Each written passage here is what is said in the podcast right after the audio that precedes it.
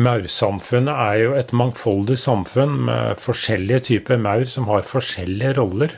Fortell litt om det.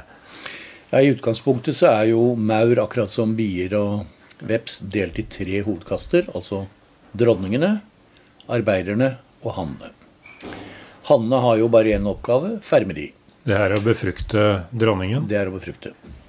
Eh, og det er jo en egenart til ved hannene, eller dronene som det heter hos uh, bier, uh, som skiller dem fra dronninger og arbeidere. Altså de er haploide, de har bare et halvt kromosomsett i forhold til arbeiderne og dronningene, som er diploide, og som har da dobbelt kromosomsett. Så de er på sett og vis en slags sædcelle på seks bein? Det er de absolutt. De slipper å gjennomgå denne reduksjonsdelinga når de produserer spermer. Ja, så de er vandrende kjønnsceller, rett og slett? Det er de. Og det er faktisk ikke så mye mer enn bare kjønnsorganer heller. Det vil si, det er jo noe mer, men, men det er en viktig del, fordi det er jo den funksjonen de har. Så er arbeiderne og dronningene, og de er i utgangspunktet like.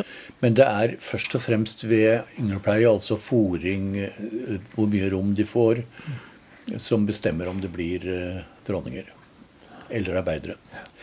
Og så er det da dronningene er dronninger, og så er arbeiderne igjen. De kan ha en viss grad av spesialisering.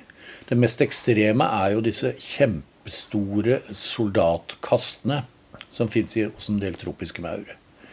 Eh, det fins jo maur hos oss som også har en slags hva skal jeg si for noe, soldatfunksjon, og som er større og kraftigere enn de andre.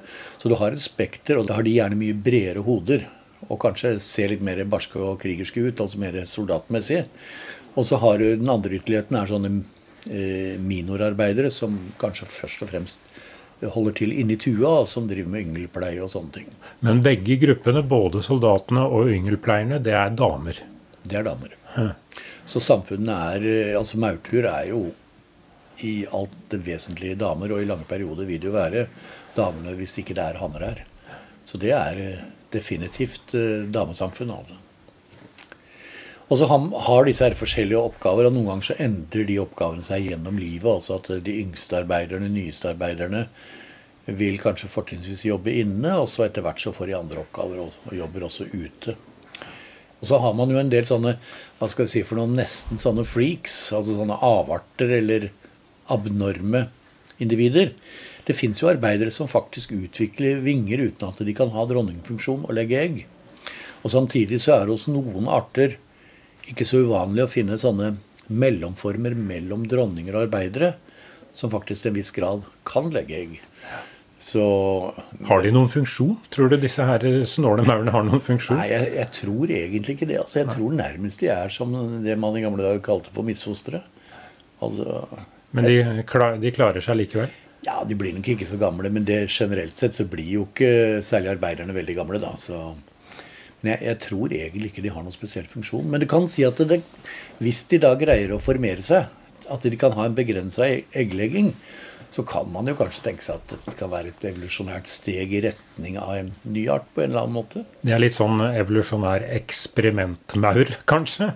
Ja, og jeg tror jo det er på en måte det som skjer, da. At eh, altså alle disse artene, det, det dukker opp unormale individer, mutasjoner osv. osv. Eh, og hvis noen av disse her greier å føre genene sine videre altså det, det foregår jo en utvikling, ikke sant?